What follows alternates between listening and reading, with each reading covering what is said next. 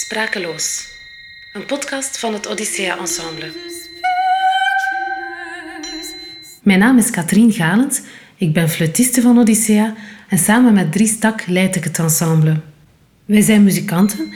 We zijn gefascineerd door klank en muziek, maar ook wel door de verhalen die achter die stukken zitten.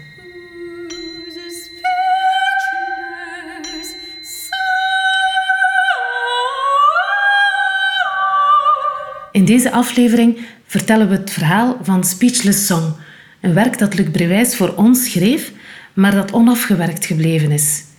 Wij brachten het toch in première, vijf jaar na Luc's overlijden.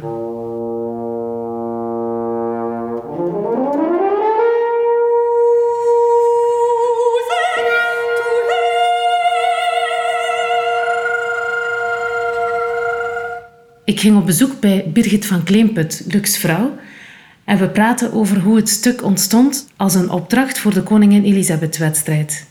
Dat was, eh, dat was een pure opdracht, dus een opdracht om uh, uh, het opgelegd werk, het plichtwerk te schrijven voor de halve finale van de wedstrijd. hij is er een tijdje tevoren voor gevraagd natuurlijk. Ik weet niet precies meer hoe lang tevoren dat was. Um, en ik denk wel dat hij er, allez, ik weet nog dat hij er wel mee opgezet was. Componiste Annelies van Parijs had een bijzondere band met Luc Brewijs en herinnerde zich ook die periode. Uh, en ik weet nog dat hij er mij over sprak, dat hij daar zo blij mee was. Want dat was natuurlijk voor hem, uh, ja, zo voor, als, voor elke componist die een dergelijke opdracht kreeg, dat is natuurlijk een fantastisch moment. Um, en ja, het idee was aanvankelijk uh, stem en piano, maar hij zei ja, maar ja, dan, is dat, dan moet allemaal transposities uitwerken. Dus ik ga toen naar twee crotales en dan kunnen ze het eigenlijk gemakkelijk transponeren. Dan uh, kan het naar om teven welk uh, stemtype.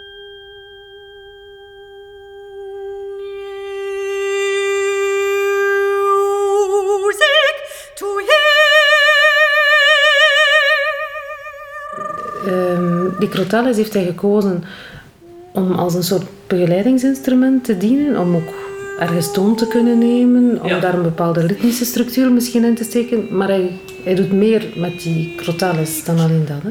Wel ja, het is, het is echt een, een soort uh, een interpunctie. Uh, dat hij, hij gebruikt het echt heel erg duidelijk als een soort accentuering van, van frases, ook als kleuring.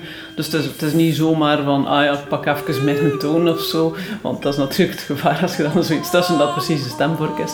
Maar hij gaat die twee ook, ook afwisselen. En hij gaat natuurlijk ook die, die twee noten die hij daarvoor gebruikt, daarvan wordt dan eigenlijk ook zijn materiaal afgeleid. which you received not gladly. En um, hij moest dan op zoek naar een tekst. En die tekst, dat was dan uiteindelijk een Shakespeare-sonnet. Tekst die hij heel mooi vond. Ik ook eigenlijk. En um, ja, kijk. Hij heeft een mooi stuk geschreven.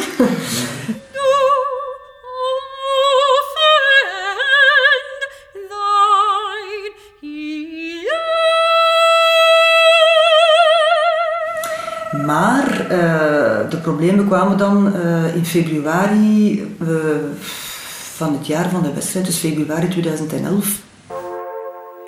Koningin Elisabeth muziekwedstrijd, dit jaar voor zang, begint pas in mei, maar zorgt nu al voor discussie. De kandidaten moeten een nieuw gecomponeerd werk zingen, maar de compositie van Luc Brewijs is door de jury afgevoerd wegens te moeilijk. En dan hebben ze dus uh, ja, laten weten dat, uh, dat het plichtwerk van de halve finale niet uh, ging gebruikt worden. Um, en ik weet nog dat, dat ik dan plots het bericht kreeg van, ah ja, ze gaan het niet doen. Ik dacht van, nee, dat meende niet. Hoezo, ze gaan het niet doen. Ja. Dus, uh, nee, en dan, nadien heb ik dan Luc gezien en erover gesproken. En ja, hij was daar echt Allee, hij deed natuurlijk op zijn luxe zo, precies of dat het hem niet te veel raakte, maar uh, ik voelde gewoon dat hem, dat heeft hem geweldige klop gegeven, want uh, ja, dat het hem echt niet zien komen, want hij heeft echt zijn best gedaan om het zingbaar te maken. Die jury kwam samen in februari en uh, ja, het, het drama van de zaak was dat Luc op dat moment in het ziekenhuis lag, want die had longkanker, die was pas geopereerd, dus die lag nog in het ziekenhuis, die had dat was gewoon rampzalig, want die had dan uh, na die operatie in de recovery een hartaanval gekregen. Dus die was echt zeer ziek. Het is duidelijk dat Luc Brewijs een heel mooi werk heeft geleverd. Maar gezien de stress van de kandidaten en de hele druk rond een deelname aan de wedstrijd, heeft het comité dus besloten dat werk niet op te leggen.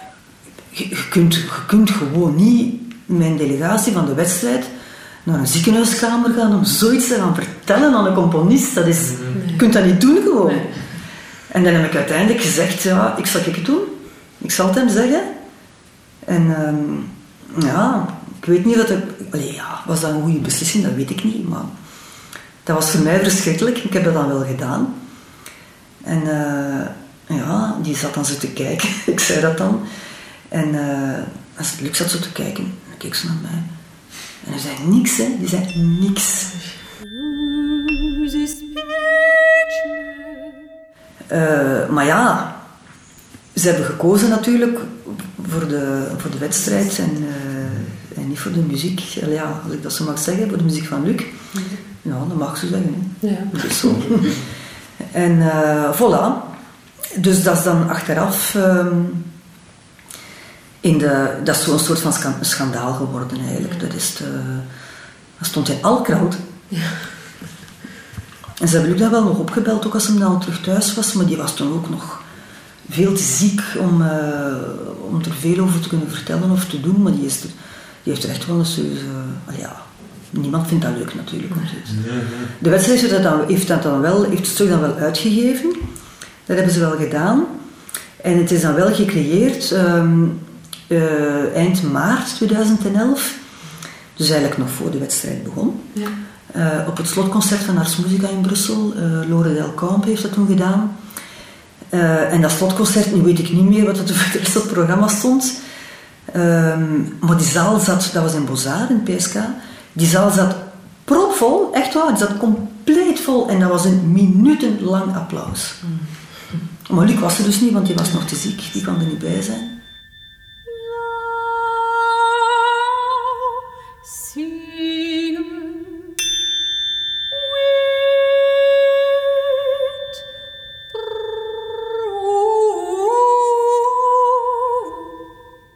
Speechless Song, Being Many, Seeming One, was uiteindelijk niet te horen op de Koningin Elisabeth-wedstrijd. Ja, dat was in, in 2011, toen dat, dat gebeurde, was dat, was dat groot nieuws natuurlijk. Hè? In, onze, in onze wereld van de klassieke muziek. Dries vertelt hoe het dan bij ons kwam. Um, en wij waren toen twee jaar oud. We bestonden nog maar twee jaar, jong en ambitieus ensemble. Dus we dachten direct van, we moeten daar iets mee doen. En dan uh, hebben we daarover samengezeten en bekeken met de partituur of dat, dat echt wel onzingbaar was. En ons zangeres toen, die zei van nee, dat is helemaal niet onzingbaar, we gaan dat gewoon doen. En we hebben dan dat direct uh, op een programma gezet en een aantal keren kunnen uitvoeren. En uh, ja, Luc was daar wel blij mee. En hij is dan zelf tot bij ons gekomen met de vraag of dat hij daar niet mocht een, een, versie voor ensemble van maken. voor ons, ja, dat is natuurlijk een ongelooflijke cadeau. Hè, als, een grote componist als Luc Brewijs dat zelf voorstelt. Dus we hebben dan direct natuurlijk toegezegd. En de bedoeling was um, dat we dat zouden opnemen op onze eerste CD in 2014. Um, ehm, maar dat stuk was toen nog niet af. Um, dus we hebben dat dan uitgesteld, uh, een volgende keer geprogrammeerd. Dan gingen we het live uitvoeren. En Luc had zelf voorgesteld van dat te dirigeren. Uh, in 2015, januari, in het concertgebouw in Brugge. Ehm, maar een paar weken voor de première liet Luc ons weten van ja, het gaat nog niet af zijn. En hij heeft ons toen doorgestuurd wat hij wel al had. En dat was ongeveer ja, een derde van het stuk. Uh, dus alleen het begin eigenlijk. En dat was nog te weinig om daar echt iets mee te doen. Dus we hebben dan in allerijl een, een vervangprogramma samengesteld. Uh, een, een, dat stuk vervangen en een programma aangepast. Ehm, maar Luc is er altijd wel aan blijven verder schrijven. En dan uh, hebben we het nog een, een, derde keer geprogrammeerd. Dat was in juni 2015 op ons festival. Uh, in het conservatorium in Brussel en in Beaux-Arts. En daar gingen we dat dan creëren. Maar ook toen liet hij ons weten van... Ja, mijn gezondheid gaat niet al te goed en het, uh, het zal nog altijd niet af zijn. Ehm, maar toen wisten we eigenlijk niet hoe ver dat hij daarmee stond. En het is pas een paar jaar later dat we dachten van... Doe me, dat is toch, toch spijtig. Ehm, Luc was er al zo lang aan bezig, heeft er altijd aan verder gewerkt. Uh, hoeveel zou daar nu eigenlijk vanaf zijn en kunnen we daar nog iets mee doen? Dus dan hebben wij uh, Birgit gecontacteerd met de vraag van, uh, kunnen we eens kijken op Luc zijn computer wat er nog allemaal, wat er, wat er allemaal is van dat stuk. is daar iets mee te doen? Kunnen we dat laten afwerken? Ehm, kunnen we uitvoeren wat er is? En dan hebben we verschillende pistes overlopen, overwogen, om te kijken om dat stuk toch te kunnen uitvoeren.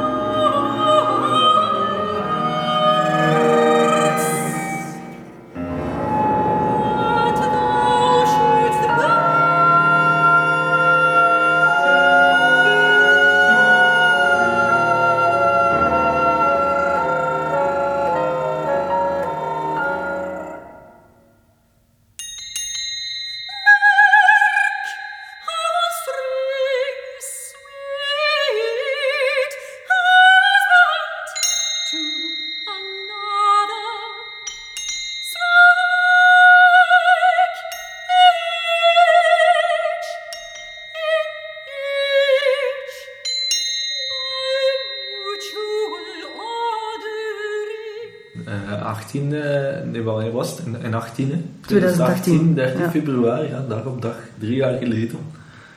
Uh, voor de eerste keer hebben we afgesproken dan. Ik denk hier in de koffiebar. Daar hebben we in een, koffie, in een koffiebar hier in ja, voor de ja. achteraf ja. hier even komen kijken op de computer wat dat er al af was, wat ja. erin stond.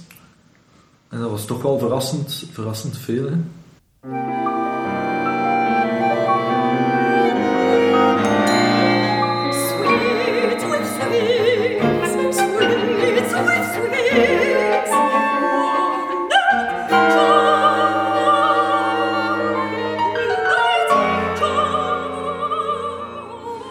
Dan zijn we beginnen zoeken in de computer van Luc. En dan bleek dat er hier wel nog uh, een flink pak meer van de, van de partituur af was. Uh, voilà, in de computer, hè.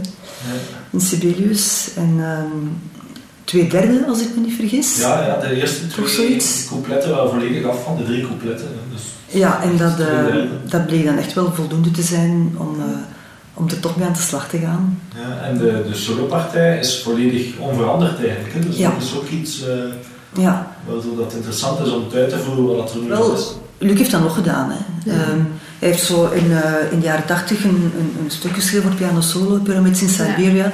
dat dan achteraf Painted Pyramids in Siberia is geworden, dus een, een bewerking voor ensemble. Dus ik denk dat hij dan, dat hij dan allez, ik spreek nu, ik, dus wat ik denk, hè, dat hij voor zichzelf wel zeer tevreden was over die partituur van Speeches Song en dat hij er gewoon nog iets mee wilde doen. Mm En dat extra kansen wilde geven door dat in een ensemble te steken. Dus voilà, het is natuurlijk niet afgewerkt, dat is heel spijtig, maar allee, er is toch een flink stuk vanaf. Hè? Ja, ja. ik weet dat we toen nog even gemaild hebben met Annelies ook, Annelies van Parijs, ja. met de vraag om het eventueel af te werken. Mhm. Maar dat ja, zij ook zei van nee, doe dat niet, blijf eraf en laat het zo. Uh...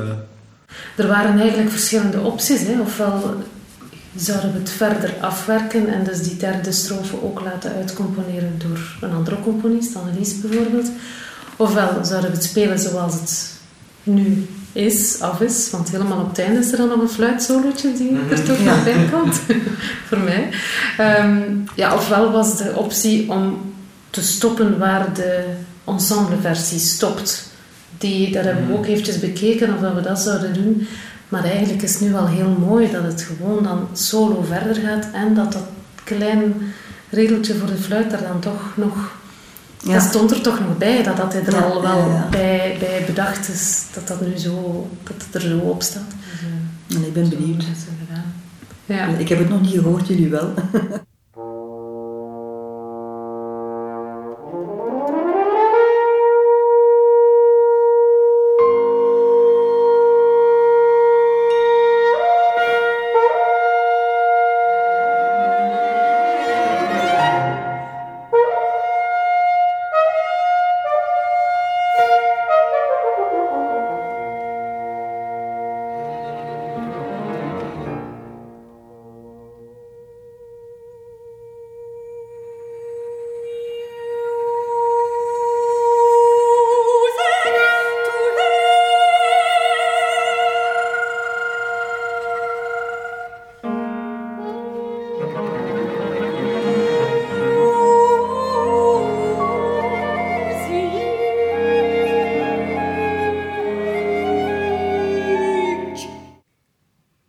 december 2020 zouden we Speechless Song creëren in een reeks concerten met werk van Luc en componisten die hem geïnspireerd hadden, zoals Jonathan Harvey en Debussy.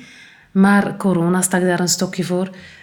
Dus hebben we ons teruggetrokken om het werk heel intensief te repeteren en het dan op te nemen in de prachtig vernieuwde concertzaal van Muziekcentrum De Bijloken. Alright, zullen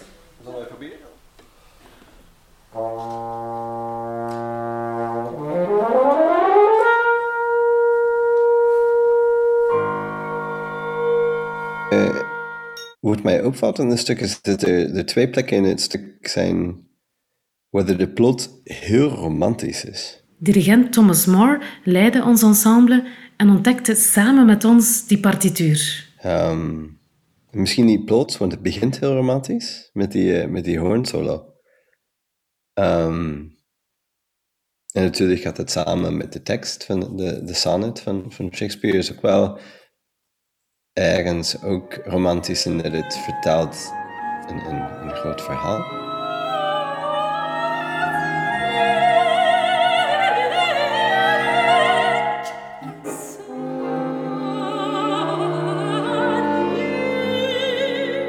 plots de, de piano maakt een heel lange uh, lijn omhoog. Die begint wel echt met een zeer grote geschreven rubato. En dat eindigt met een swell in de blazers en de strijkers. Die, die, voelt als een soort van opluchting. En, maar opluchting is niet het juiste woord, maar dat er, ja, een uh, is.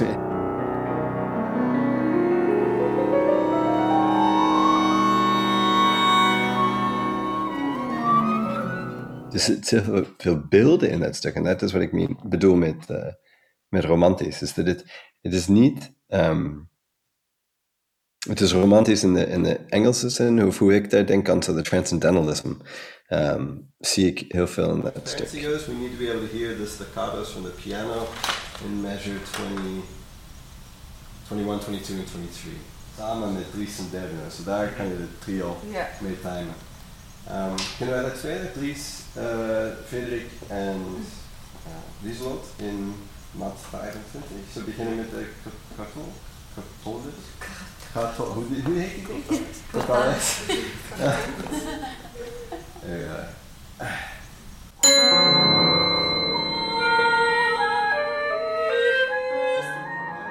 Toen jullie mij die vraag stelden om uh, Speechless Song van uh, Brewijs te zingen, um, moet ik zeggen, ik heb daar wel even over nagedacht, want dat is natuurlijk een zeer berucht stuk. Lieselotte Wilde nam de uitdaging aan om het stuk te zingen. Dus ja, als je dat dan onder je neus geschoven krijgt, dan ja, is toch de eerste vraag die je zelf stelt van, ga ik dit wel kunnen?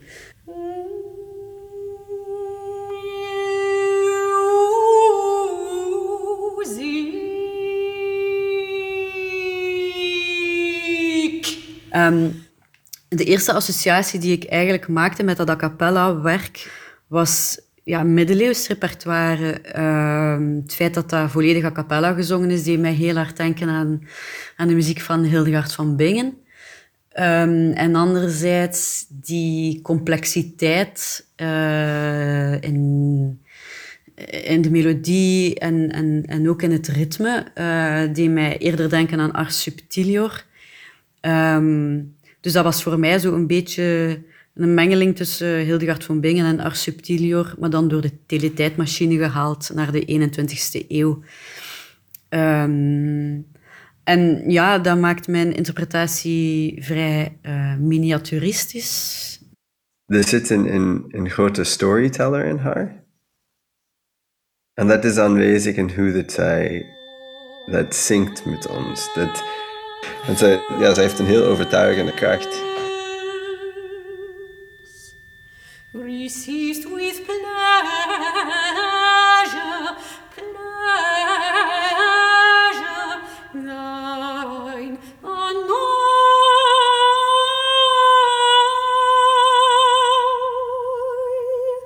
uh, ja, ik, ik, ik ben vooral bezig met oude muziekrepertoire, wat toch meestal uh, met een iets dunnere orchestratie uh, uh, uitgevoerd wordt. Dus dat, dat is voor mij vocaal iets...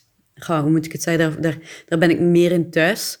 Maar ik vond het anderzijds wel echt een superleuke ontdekkingstocht om samen met, met jullie ja, dat orkestrale werk toch ook aan te pakken en ja, mij daarin te verdiepen, mijn weg daarin te zoeken.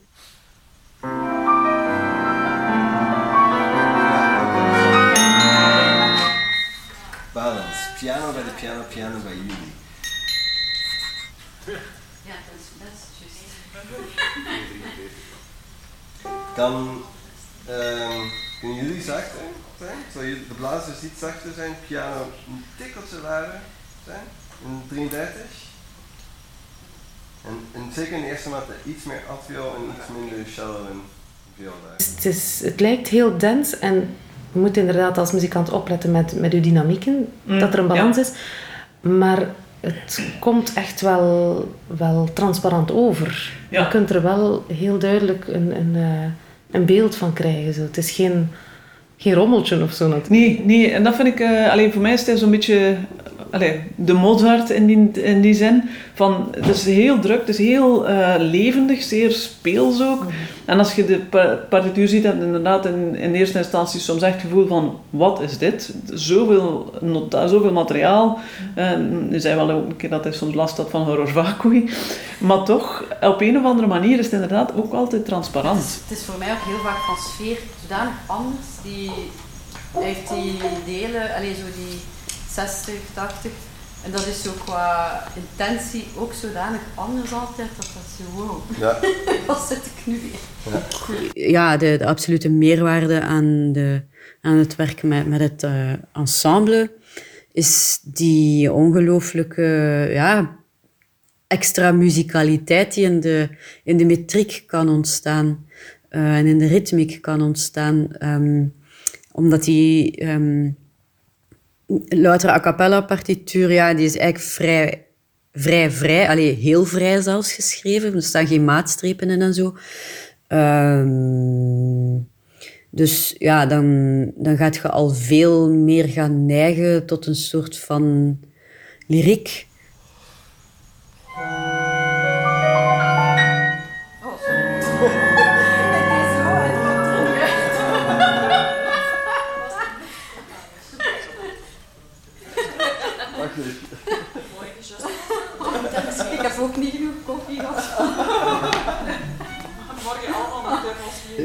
Er is een heel grote bereidwilligheid om, om, om nieuwe dingen uit te proberen. En dat, dat, was, dat was aanwezig. En ook wel, ja, jullie hebben zoveel tijd geboekt om dat stuk in elkaar te steken. En dat, dat, is, dat was ook fantastisch.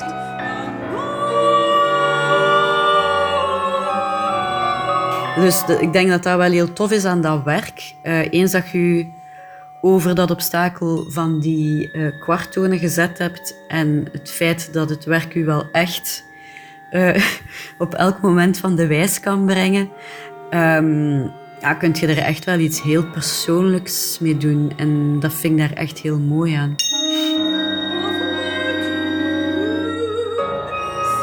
Dit werk met dat hele verhaal rond, dat schreef er gewoon om om uitgevoerd te worden. Dat kon gewoon niet in een kast blijven liggen.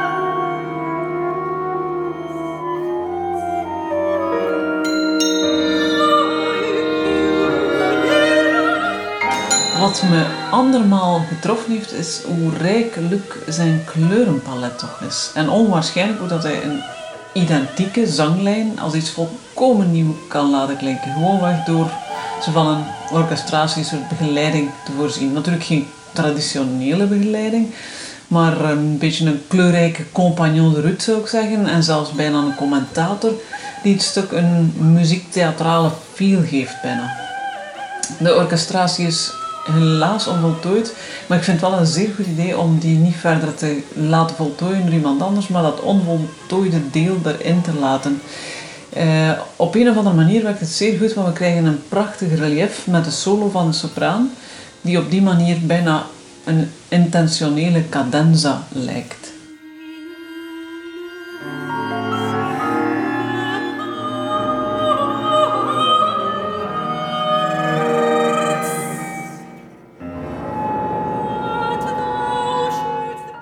Heel ontroerend voor mij om deze nieuwe opname te beluisteren, deze nooit eerder uitgevoerde ensembleversie van het werk. Het is heel speciaal om vijf jaar na het overlijden van Luc werk voor het eerst te horen. Uh, een beetje verwarrend ook eigenlijk, want je herkent onmiddellijk zijn stijl en onbewust reageer je in eerste instantie, ik ken dat niet, omdat je niet verwacht na vijf jaar een creatie te horen. Um, het is voor mij een beetje alsof ik Luc na vijf jaar nog eens iets hoor zeggen.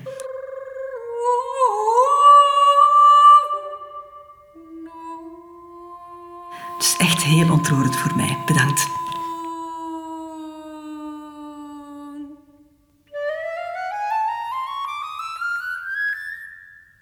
Sprakeloos. Een podcast van het Odyssea Ensemble. Speechless Song is de eerste podcast in de reeks Sprakeloos. Je kan je op deze podcast abonneren om geen enkele aflevering te moeten missen. De opname van zowel de soloversie als het ensemblewerk zijn te beluisteren op SoundCloud en Bandcamp. Dankjewel aan Birgit van Kleemput en Annelies van Parijs en aan mijn compagnon de route Driestak. Dankjewel aan Lieselotte Wilde en Thomas Moore en natuurlijk alle muzikanten van het Odyssea Ensemble. Bedankt aan Wanne Schonnessen voor het geluid, aan Olivier Depré voor het prachtige beeld dat hoort bij de podcastreeks en aan Arco Music voor de opname van de werken. En dankjewel aan de Single en de Bijloken voor de locaties en de Vlaamse gemeenschap voor de steun.